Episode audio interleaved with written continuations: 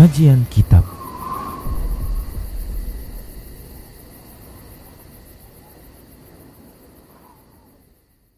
Bismillah, Assalamualaikum warahmatullahi wabarakatuh. Innal hamdalillah Nahmaduhu wa nasta'inuhu wa nastaghfiruh Wa na'udhu billahi min syururi anfusina wa min sayyiati a'malina. Man yahdihillah fala mudilla lah Wa man yudrilhu fala hadiyalah Wa وأشهد أن لا إله إلا الله وحده لا شريك له وأشهد أن محمدا عبده ورسوله صلى الله عليه وسلم. قال الله تبارك وتعالى يا أيها الذين آمنوا اتقوا الله حق تقاته ولا تموتن إلا وأنتم مسلمون. يا أيها الناس اتقوا ربكم الذي خلقكم من نفس واحدة وخلق منها زوجها وبث منهما رجالا كثيرا ونساء. واتقوا الله الذي تساءلون به والأرحام. إن الله كان عليكم رقيبا. يا أيها الذين آمنوا اتقوا الله وقولوا قولا سديدا. يصلح لكم أعمالكم ويغفر لكم ذنوبكم. ومن يطع الله ورسوله فقد فاز فوزا عظيما. أما بعد فإن أصدق الحديث كتاب الله وخير الهدى هدى رسول الله صلى الله عليه وسلم وشر الأمور محدثاتها وكل محدثة بدعة وكل بدعة ضلالة وكل ضلالة في النار. الحمد لله Para pemirsa Rosyad TV dan para pendengar Radio Medan Mengaji di mana saja Anda berada rahimani wa rahimakumullah. Kita bersyukur kepada Allah atas semua nikmat yang Allah berikan Tak lupa kita ucapkan salawat dan salam untuk Nabi Muhammad sallallahu alaihi wasallam. Kita lanjutkan pembahasan akidah tauhid dalam bahasan al-wala wal bara. Al-wala kembali kita ingatkan bahwa definisi al-wala adalah mencintai orang-orang beriman, mencintai kaum muslimin, berkasih sayang dengan mereka terhadap mereka menolong dan membantu mereka serta bersikap tulus terhadap mereka dengan cara di antaranya adalah menasihati mereka disebabkan karena adanya keimanan dalam diri mereka serta ketaatan kepada Allah Subhanahu wa taala.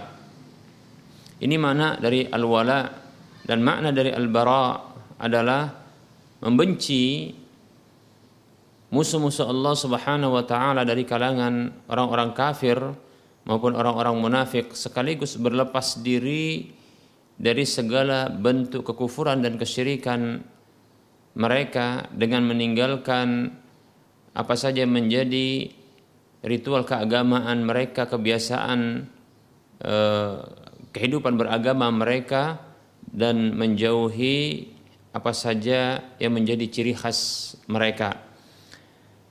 Ini makna dari al-bara. Baik para muslim rahimani warahmatullah dan kita akan lanjutkan penjelasan tentang bentuk-bentuk al-wala yang diharamkan. Al-wala kita terjemahkan dengan uh, loyalitas. Loyalitas yang diharamkan di antaranya seperti yang kita telah sebutkan itu terbagi menjadi dua. Yang pertama adalah loyalitas yang dia menghantarkan pelakunya kepada kekufuran dan yang kedua adalah loyalitas yang tidak menghantarkan pelakunya kepada kekufuran namun itu termasuk yang diharamkan. Baik untuk jenis yang pertama al-wala atau loyalitas yang diharamkan dan dia menghantarkan pelakunya kepada kekufuran sudah beberapa yang telah kita sebutkan. Berikutnya adalah di antara bentuk dan e, contoh loyalitas yang diharamkan dan ini menghantarkan pelakunya kepada kekufuran adalah e, berkunjung ke rumah-rumah ibadah orang-orang kafir untuk turut serta beribadah di sana atau meyakini bahwa kunjungan ke rumah-rumah ibadah tersebut merupakan E, bentuk ibadah kepada Allah Subhanahu wa taala.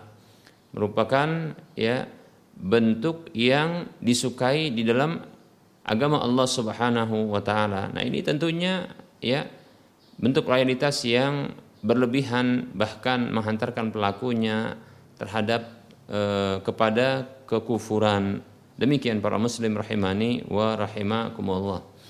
Lebih luas daripada itu berikutnya bentuk loyalitas yang diharamkan dan ini bisa menghantarkan pelakunya kepada kekufuran adalah klaim atau seruan ya eh, bahwa agama semua adalah sama itu kesamaan agama kesamaan seluruh agama bahwasanya seluruh agama adalah benar. Bahwasanya seluruh agama adalah jalan yang masing-masing mereka menuju kebenaran dan menuju kepada Allah Subhanahu wa taala ya. Bukan hanya Islam namun seluruh agama ya. Itu menghantarkan seseorang itu kepada kebahagiaan kepada surga kepada keridhaan Allah Subhanahu wa taala. Hanya saja jalannya berbeda-beda ya demikian dengan dalih kata mereka tidak satu jalan menuju Roma maka kita katakan ini adalah bentuk ya kekufuran. Ya ini merupakan bentuk kekufuran. Baik para muslim rahimani rahimakumullah jika ini maksudnya adalah bentuk loyalitas terhadap orang-orang kafir ya. Nah, ini tentunya loyalitas yang diharamkan sekaligus menghantarkan pelakunya kepada kekufuran. Baik para muslim rahimani wa rahimakumullah.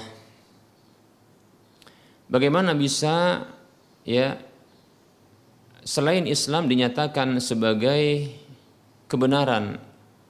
Bagaimana ya selain Islam itu sebagai dinyatakan sebagai kebenaran, agama kebenaran. Padahal Allah Subhanahu wa taala yang menyatakan ya di dalam Al-Qur'an dalam surah Ali Imran ayat 85 Allah mengatakan A'udzu billahi minasyaitonir rajim. Wa may yabtaghi ghairal islami dinan falan yuqbala minhu wa huwa fil akhirati minal khasirin. Allah Subhanahu wa taala berfirman yang artinya dan siapa saja yang mencari selain Islam sebagai agama Siapa saja yang mencari Islam sebagai agama maka sekali-kali tidak akan diterima maka sekali-kali tidak akan diterima kebaikan sedikit pun darinya dan dia kelak di akhirat termasuk orang-orang yang merugi dengan dimasukkan ke dalam neraka jahanam.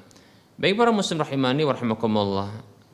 Uh, ayat ini lewat ayat ini Allah Subhanahu wa taala menjelaskan bahwa agama selain Islam adalah agama yang tertolak. Agama selain Islam bukanlah agama yang diterima. Sampai pun kebaikan yang banyak yang dilakukan oleh pemeluknya, pemeluk selain Islam ini, maka tidak akan diterima bahkan dia diklaim atau dicap sebagai orang yang merugi di akhirat kelak. Nauzubillah min dzalik. Ini menunjukkan bahwa batilnya selain dari agama Islam demikian. Lebih-lebih Allah Subhanahu wa taala berfirman di dalam surah Ali Imran ayat 19 Allah mengatakan A'udzu billahi minasyaitonir rajim. Innad dina 'indallahil Islam. Innad dina 'indallahil Islam. Sesungguhnya agama di sisi Allah adalah Islam. Sesungguhnya agama di sisi Allah adalah Islam. Demikian para muslim rahimani warahmatullah oleh karenanya tidak ada agama lain ya di sisi Allah kecuali Islam sehingga agama-agama yang lain itu adalah agama yang tidak diakui oleh Allah Subhanahu wa taala.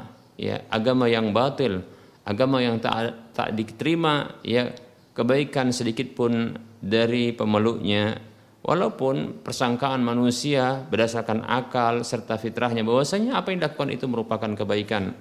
Namun Allah Subhanahu wa taala tidak akan menerimanya. Demikian para muslim rahimani rahimakumullah. Nah ini wajib bagi kita setiap muslim mukmin meyakini bahwa ya selain dari Islam itu adalah agama kebatilan, agama ya eh, penyimpangan dan agama kesesatan. Bahkan siapa saja yang ragu tentang kebatilan seluruh agama selain Islam, maka keraguan itu merupakan bentuk kekufuran. Ya, keraguan itu bisa pula menghantarkan orang yang ragu tersebut kepada kekufuran. Demikian para muslim rahimani rahimakumullah. Harus yakin kita, wajib kita meyakini bahwa Islam adalah agama kebenaran. Demikian karena agama itu ya dibawa oleh nabi yang diutus oleh Allah Subhanahu wa taala. Allah Subhanahu wa taala berfirman di dalam surah Al-Fath ayat 28 A'udzu billahi minasyaitonir rajim A'udzu billahi minasyaitonir rajim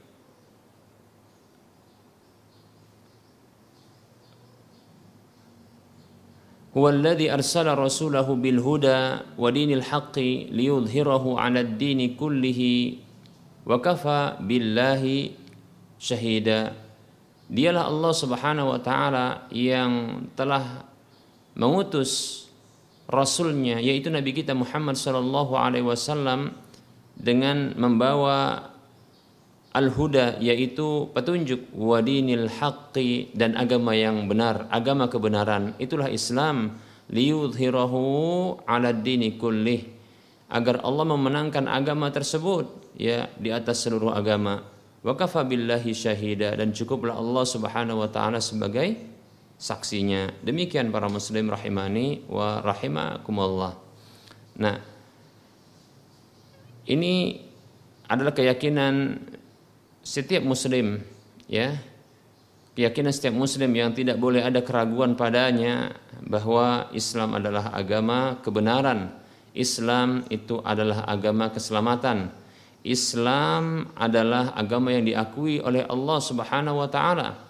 Islam adalah agama yang ada di sisi Allah Subhanahu wa taala Islam adalah agama yang hanya satu-satunya dia yang diterima ya oleh Allah Subhanahu wa taala. Demikian para muslim rahimani wa rahimakumullah.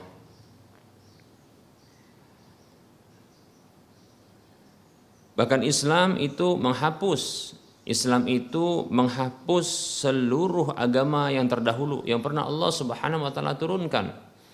Bahkan kitab suci yang menjadi referensi sumber ajaran Islam ini yaitu Al-Qur'an itu menghapus semua kitab-kitab suci sebelumnya. Itu menghapus hukum hukumnya. Demikian para muslim rahimani rahimakumullah. Maka apa saja yang ditetapkan oleh Al-Qur'an tersebut, maka itulah yang diterima. Adapun yang tidak ditetapkan bahkan dinyatakan kebatilannya, maka itu ditolak. Demikian para muslim rahimani wa rahimakumullah.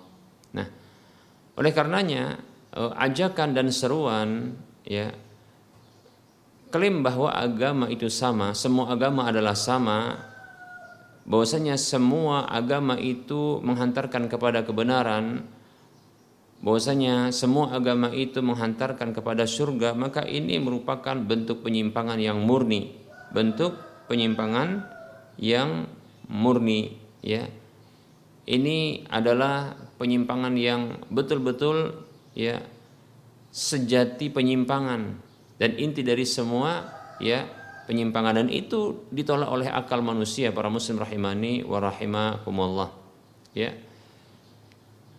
Bahkan tidak ada satupun ya tidak ada satupun uh, orang-orang kafir yang menyatakan demikian ya. Tidak ada orang-orang kafir di luar Islam yang mereka menyatakan bahwasanya semua agama itu sama ya. Bahkan mereka meyakini bahwa ya agamanya yang benar ya. Adapun di luar agamanya maka tidak benar ya. Itu merupakan ya agama kekufuran menurut ya keyakinannya. Seperti itu. Maka para muslim rahimani rahimakumullah mengapa ada ya mengapa harus ada mengapa kok bisa ada ya di dalam agama ini atau di dalam tubuh umat Islam ini orang-orang yang mereka itu mengklaim bahwasanya semua agama nah tidaklah ini dimunculkan melainkan ya ini untuk membuat kerusakan ya mencerai-beraikan barisan kaum muslimin ya di tubuh kaum muslimin sendiri. Demikian para muslim rahimani rahimakumullah. Oleh karenanya kita harus memerangi pemikiran seperti ini. Kita harus menolak pemikiran seperti ini ya. tidak ada akal yang membenarkan bahwa semua agama adalah sama.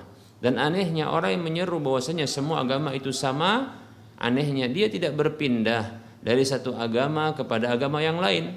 Hari ini dia beragama Islam, besok dia beragama Konghucu, ya.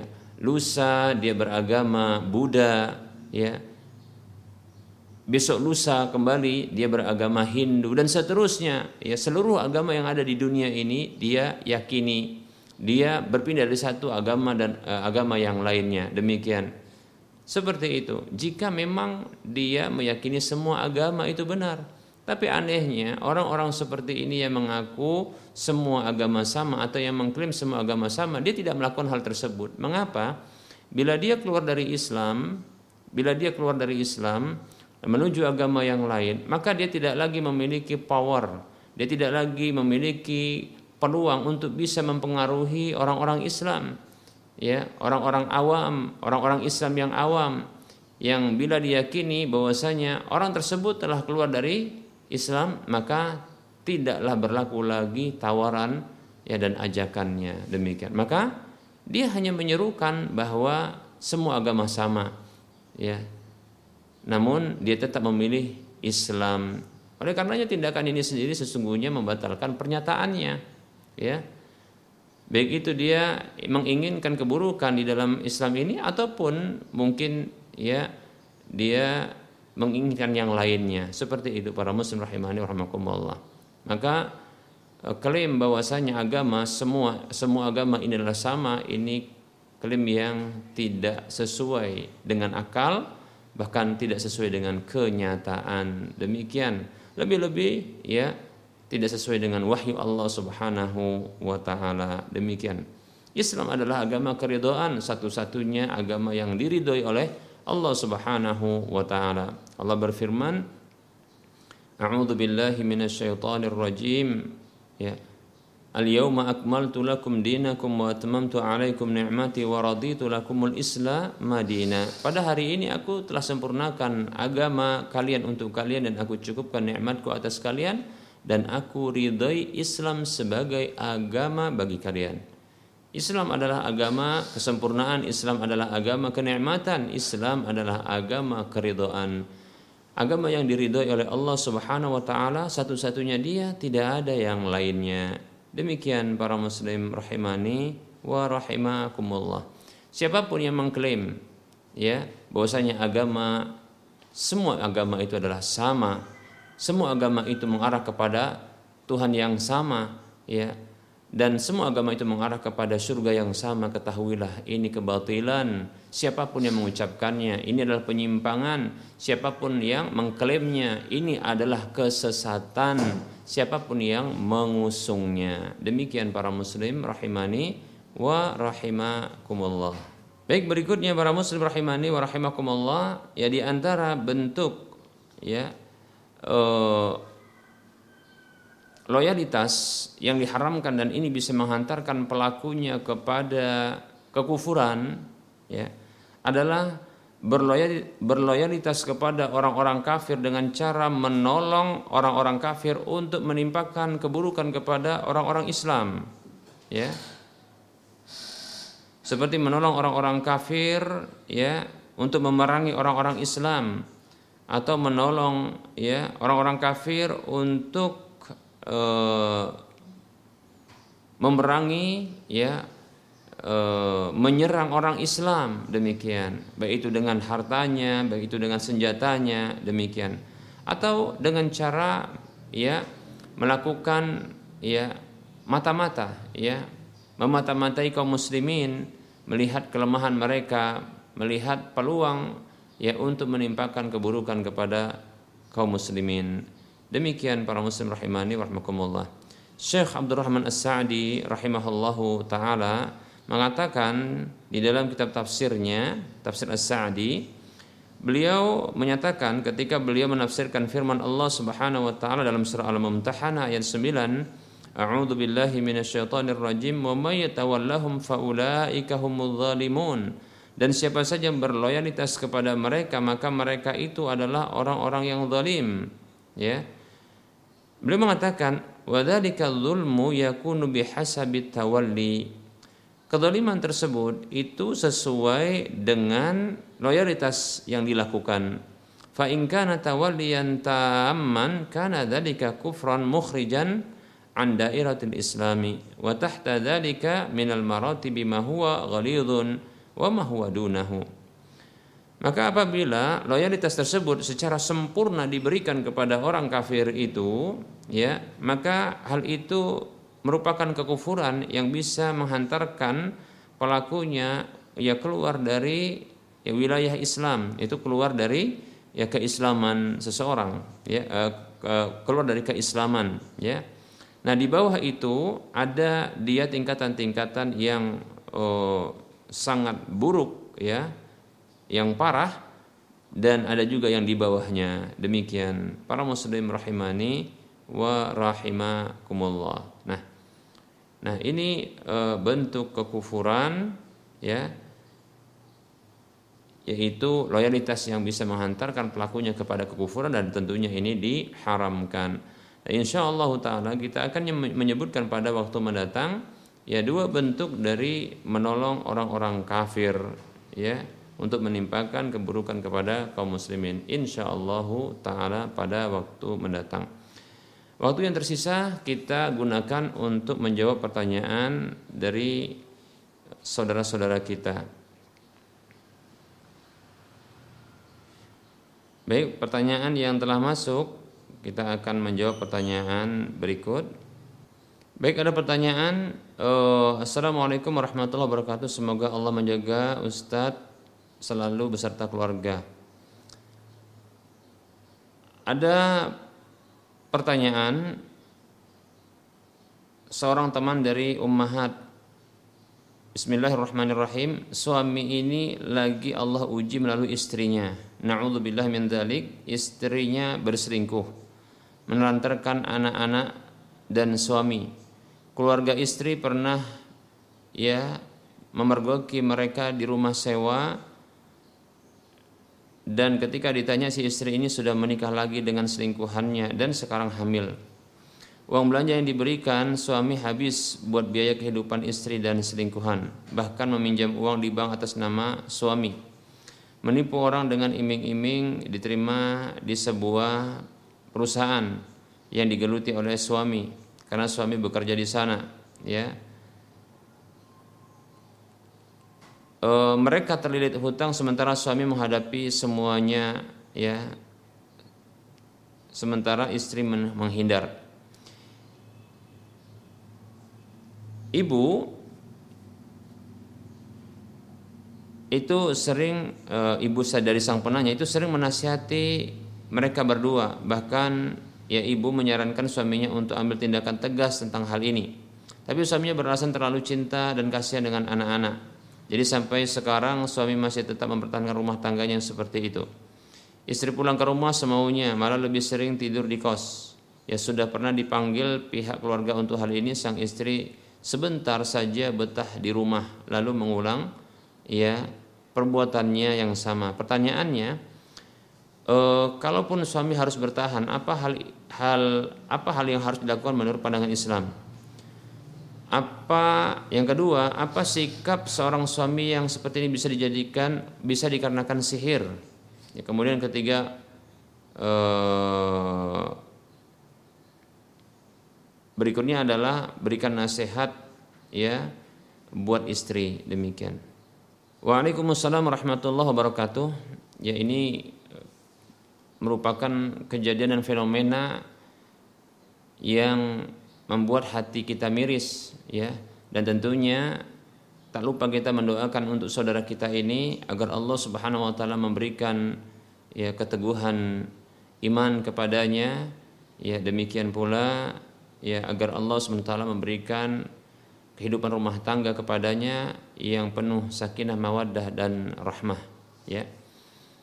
Dan semoga Allah SWT memberikan kesabaran kepadanya ya dalam segala bentuk kesabaran Baik. Nasihat untuk suami seperti ini maka yang pertama sekali adalah jangan membiarkan istri seperti ini ya diharamkan untuk membiarkan ya istri seperti ini ya membiarkan istri yang ini merupakan tanggung jawab bagi suami untuk mendidiknya dan e, mengarahkannya dalam kebaikan ya. Bila dibiarkan melakukan pelanggaran ya terhadap Allah Subhanahu wa taala bahkan ya e, sampai melakukan kemesuman-kemesuman seperti ini ya perselingkuhan maka status dari suami seperti ini disebut dengan dayus ya dan dayus wanita, uh, suami yang dayus seperti ini ya ini bisa terancam dengan neraka. Jadi ini merugikan diri sendiri. Bahkan ini merugikan kehidupan ya rumah tangga beserta dengan anak-anak ya. Maka tidak ada jalan kecuali pilihannya ya menceraikannya.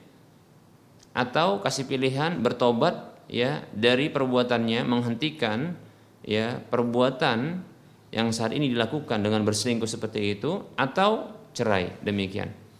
Nah, kalau tidak tidak ada keinginan atau tidak ada tanda-tanda tobat dari sang istri, maka tidak ada jalan kecuali harus menceraikan. Ya. Harus menceraikan. Mengapa? Karena ya, mempertahankannya ini hanya akan menambah dosa. Ya. Mempertahankannya ini hanya akan menambah dosa. Kecintaan janganlah sampai membuat kita celaka, ya. Cinta jangan sampai membuat kita celaka, ya. Ingat ya ancaman Rasulullah SAW tentang ya laki-laki dayus, ya, laki-laki dayus yang tidak ada kecemburuan ya kepada uh, wanita-wanita yang berada di bawah di bawah perwaliannya atau di bawah tanggung jawabnya untuk melakukan dosa-dosa ya pelanggaran-pelanggaran ya Bahkan ya ini dibiarkan. Tidak demikian, harus dihentikan demikian. Ya dihentikan. Nah, di antaranya adalah ya di antaranya agar tidak berkelanjutan dosa dayus ini, maka ya memisahkan tanggung jawab ini atau mengangkat atau menghentikan tanggung jawab ini dengan melepaskannya, melepaskannya dari tanggung jawab dengan cara menceraikannya. Dan tentunya hal ini terlebih dahulu disampaikan kepadanya ya kepadanya untuk bertobat kepada Allah Subhanahu wa taala, menghentikan semua ya eh, pelanggaran-pelanggaran tersebut. Demikian ya. Ini nasihat untuk sang suami ya, seperti itu. Jangan menambah dosa dan jangan ya ajarkan kepada anak-anak ya dengan memperlihatkan ya ibunya ini ternyata pelaku perselingkuhan demikian ya ini ngajarkan kepada anak-anak. Ya kalau dia anak laki-laki maka dia akan berselingkuh dengan ya laki, perempuan yang lain karena dilihatnya ternyata ya selingkuhan dari ibunya ini bebas untuk bisa ya melakukan perselingkuhan. Kalau ini anak perempuan naudzubillah min maka dia bisa meniru, meniru ibunya. Nah ini ini harus di, dijauhkan dari ibu yang seperti ini kecuali ibunya bertobat kepada Allah SWT. Dijauhkan maksudnya adalah dijauhkan untuk melihat kejadian-kejadian seperti ini sehingga ini jadi pendidikan dan pelajaran yang buruk bagi sang anak dari orang tuanya seperti itu. Nah, ya, jangan sampai cinta itu membuat celaka. Celaka pribadi, celaka rumah tangga, celaka ya putra dan putri kita. Demikian, ya. Jangan sampai demikian. Baik, ya. Uh, adapun nasihat kepada istri maka bertobatlah kepada Allah Subhanahu wa taala. Bertobatlah kepada Allah Subhanahu wa taala ya. Bertobat kepada Allah Subhanahu wa taala dengan sebenar-benar taubat. Hidup ini cuma sementara ya. Kenikmatan yang kita dapatkan dari kemaksiatan adalah kenikmatan yang semu ya, seperti itu. Kalaulah ya silahkan saja mungkin memilih ya jangan meneruskan perselingkuhan seperti itu. Ya silakan memilih ya. Ya memilih saja bertobat kepada Allah. Kalaulah memang sudah bertobat ya maka kemudian memilih. Apakah ya mungkin minta kepada sang suami untuk menceraikan ya atau tetap saja terhadap suami ya begitu ya. bertobat kepada Allah. Sesungguhnya ada jalan untuk tobat ya. Seburuk apa pun pandangan manusia namun bila ya benar-benar bertobat dengan taubatan nasuha maka sesungguhnya Allah akan e, menerima taubat dan menghapuskan kesalahan-kesalahan dan dosa. Demikian. Insya Allah taala.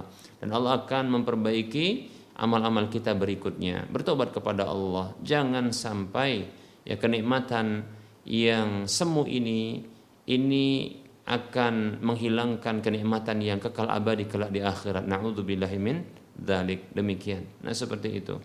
Itu adalah zina ya yang Allah Subhanahu wa taala ya mengatakan la taqrab zina, jangan dekati zina. Innahu kana fahishatan wasa'a sabila ya. Sesungguhnya ya itu adalah kekejian dan itu jalan yang buruk demikian seburuk-buruknya jalan. Maka tinggalkan tinggalkan demikian. Tidak ada kebaikan padanya tidak ada kebaikan padanya. Itu hanya kenikmatan yang semu ya. Bertobat kepada Allah. Nah kemudian memilih silahkan. Apakah memilih sang suami ya? Maka tinggalkan selingkuhannya atau memilih selingkuhan dengan cara ya minta kepada suami untuk menceraikan ya. Seperti itu ya. Demikian. Kemudian menikah dengan ya selingkuhannya. Dan ajak selingkuhannya untuk bertobat juga kepada Allah Subhanahu wa taala. Seperti itu. Ya bertobat kepada Allah. Demikian ya. Dan kemudian mereka menikah. Nah insya Allah taala dengan demikian akan ada kebaikan dalam kehidupan berikutnya. Ya di dunia maupun di akhirat. Seperti itu. Adapun e, sihir yang diduga maka ini belum tentu ada kepastiannya. Ya namun barangkali bisa untuk dilakukan dengan cara merukyah sang e, sang suami ini ya, merukyah terlebih dahulu ya. Apakah betul-betul dia di bawah e, pengaruh sihir? Ya. Bila ada reaksi tentunya maka ini bisa jadi memang ada pengaruh sihir. Namun bila tidak ya maka barangkali ini tidak. Ini murni barangkali sekedar cinta dan sayang ya cinta dengan istri dan kasihan dengan anak-anak ya seperti itu. Hanya saja alasan ini tidak benar ya. Maka ini harus dihentikan ya. Dihentikan. Wallahu taala alam. Semoga bermanfaat. Ada pertanyaan eh, apakah ketika sholat kita harus membaca ta'awud sebelum bismillah di setiap rakaat apakah ketika sholat kita harus membaca ta'awud sebelum bismillah di setiap rakaat?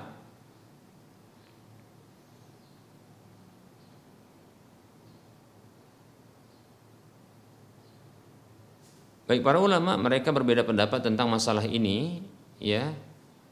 Oh, yang jelas Allah Subhanahu wa taala berfirman ya Faida qara'tal Qur'ana fasta'id billahi minasyaitonir rajim. Apabila engkau membaca Al-Qur'an, maka mohonlah perlindungan kepada Allah dari syaitan yang terkutuk demikian. Nah, saya condong kepada pendapat yang mengatakan bahwa ya ada anjuran untuk membaca ta'awud ya sebelum bismillah di awal setiap rakaat itu itu ketika membaca eh, hendak membaca Al-Fatihah ya membaca Al-Fatihah. Karena Al-Fatihah adalah Al-Qur'an maka dianjurkan ya untuk membaca ta'awud ya. Ada pun membaca surat maka tidak ada anjuran untuk membacanya. Karena ini adalah kelanjutan dari eh, bacaan maksudnya bacaan yang dibaca setelah Al-Fatihah yang Al-Fatihah ini sudah dimulai dengan ta'awud demikian ya. Walaupun ada ulama yang lain mengatakan tidak ada anjuran demikian ya. Namun saya condong berdasarkan firman Allah tadi fa idza qara'tal qur'ana fasta'id billahi minasyaitonir rajim ya. Apabila engkau membaca Al-Qur'an maka mohonlah perlindungan kepada Allah dari syaitan yang terkutuk ya membaca ta'awud ya. Seperti itu. Wallahu taala a'lam. Afwan. Assalamualaikum Ustadz. Ini pertanyaan berikutnya Semoga Ustadz dan umat Islam selalu dalam rahmat dan lindungan Allah Subhanahu wa taala. Izin bertanya, Yang pertama, apa hukum apabila seorang laki-laki sering tidak mengerjakan sholat Jumat? Yang kedua, apabila apa yang harus kita sampaikan atau kita beritahu kepada seseorang yang masih melakukan peringatan tujuh hari 40 dan seterusnya untuk orang yang sudah meninggal dunia dengan maksud untuk mendoakan Ustaz. Syukron. Baik, bismillah. Uh, Waalaikumsalam warahmatullahi wabarakatuh. Orang yang wajib baginya untuk salat Jumat dan tidak memiliki udur yaitu laki-laki yang telah dewasa ya tentunya bukan wanita dan dia dalam kondisi mukim dan tidak sakit ya dan dia bukanlah seorang budak maka wajib baginya untuk ya dan tentunya menikah akal ya. Maka wajib baginya untuk sholat Jumat. Nabi Shallallahu Alaihi Wasallam bersabda, ya, Nabi uh, Shallallahu Alaihi Wasallam bersabda, uh, "Mangkana yu'minu billahi wal yaumil akhir, ya, fa'alaihi al-jum'atu yaumal jum'ati, illa musafirun, au maridun au musafirun, au imra'atun au sabiyun au mamlukun." Hadis riwayat Daruqutni. Atau kama qala sallallahu alaihi wasallam, Artinya siapa saja yang beriman kepada Allah dan hari akhir maka wajib bagi dia salat Jumat di hari Jumat kecuali orang yang sakit, orang yang safar, eh, wanita, budak, eh, wanita, anak kecil dan budak demikian seperti itu. Hadis riwayat Daruqutni dengan derajat yang hasan. Nah, eh, ini wajib untuk melakukan salat Jumat. Ya. Nah, apabila meninggalkan salat Jumat ada hadis yang menyebutkan ya mantaroka salasa mantaroka salasa juma'in tahawunan siapa saja meninggalkan e, tiga kali salat Jumat ya tiga kali salat Jumat karena meremehkan maka ya taba'allahu fi qalbihi. Maka Allah Subhanahu wa taala mengunci menstempel hatinya. Demikian. Baik para muslim rahimani rahimakumullah ada uh, pendapat di kalangan para ulama tentang hadis ini bahwasanya hadis ini menunjukkan tentang kufurnya orang yang meninggalkan sholat Jumat secara uh, uh, tiga kali berurutan. Demikian. Karena Allah sementara menutup hatinya, mengunci hatinya, ya, sebagaimana Allah sementara yang mengunci hati orang-orang kafir demikian, seperti itu. Oleh karenanya, ya berhati-hati bagi kita ya untuk meninggalkan sholat Jumat. Bahkan sekali saja ya bahkan sekali saja kita berhati-hati meninggalkan sholat wajib itu ya sholat wajib itu. Demikian. Bahkan eh, Rasulullah Shallallahu Alaihi Wasallam beliau bersabda dalam satu hadis ya yang ini bersifat umum hadisnya al ahdu al-ahdu alladhi bainana wa bainahum ya as-salah faman taraka as-salah faqad kafara. Ya atau kama qala sallallahu disebutkan dalam satu hadis ya sesuatu yang diketahui pembeda antara kita yaitu orang-orang muslim dengan mereka itu orang-orang kafir adalah salat maka siapa saja meninggalkan salat maka dia telah kufur disebutkan seperti itu. Maka hati-hati untuk meninggalkan salat ya lebih-lebih salat yang ini Eh, kewajibannya ini sepekan sekali lebih-lebih ya di hari tersebut adalah hari raya umat Islam yang bersifat pekanan yaitu hari Jumat sholat Jumat. Demikian ya. Baik ini jawaban untuk pertanyaan pertama. Kemudian eh, jawaban untuk pertanyaan kedua ya eh, tentang orang yang membiasakan untuk melakukan ya peringatan-peringatan kematian ya seperti tujuh hari, 40 hari, 100 hari, mungkin eh, serat eh, seribu hari, ya setahun dan seterusnya. Baik, yang bisa kita sampaikan kepada mereka pertama sekali adalah mendoakan kepada mereka dengan doa hidayah seperti itu, ya. Doakan hidayah kepada mereka. Kemudian berinteraksi dengan mereka dengan uh, dengan akhlak mulia sehingga mereka ini e, mudah nantinya untuk menerima nasihat ya. Kemudian yang ketiga bisa kita memberikan ya penjelasan kepada mereka bahwasanya perkara tersebut adalah perkara yang tidak pernah diajarkan oleh Nabi Shallallahu Alaihi Wasallam. Dan setiap ya amalan ibadah yang tidak pernah disyariatkan oleh Nabi Shallallahu Alaihi Wasallam maka dia tertolak demikian. Seperti itu ya. Namun harus dengan bahasa yang e, lemah lembut e, tidak menjustifikasi yaitu memfonis dan seterusnya menghakimi menghukumi dan seterusnya ya. Tapi sifatnya adalah e, pencerahan ya begitu juga edukasi yang benar ya. Seperti itu. Kemudian bisa juga disampaikan bahwasanya eh, kebiasaan memperingati hari-hari seperti ini yaitu dengan menempatkan ya waktunya menyesuaikan waktunya dengan waktu 7, 40, kemudian 100, setahun, seribu dan seterusnya. Maka ini ya e, merupakan kebiasaan orang-orang Hindu ya kebiasaan orang Hindu di dalam apa namanya memperingati kematian orang-orang yang telah wafat di antara mereka seperti itu. Nah, ini bisa disampaikan dengan bukti-buktinya ya. Dan beredar ya e, ada tulisan ya artikel tentang waktu-waktu e, peringatan kematian bagi orang-orang Hindu. Silakan mungkin bisa dicari ya e, tulisan tersebut ya e, lewat mungkin Google ya seperti itu. Baik berikutnya ya. Nah, tentunya alasan sebagian saudara-saudara kita kaum muslimin ya melakukan acara-acara upacara seperti ini ya yang menyesuaikan waktunya dengan 47, 40 dan seterusnya ini adalah untuk kirim doa, doa dan kirim pahala. Maka bisa dijelaskan kepada mereka solusinya secara syar'i. Bahwasanya dalam Islam yang Islam ini adalah agama kesempurnaan.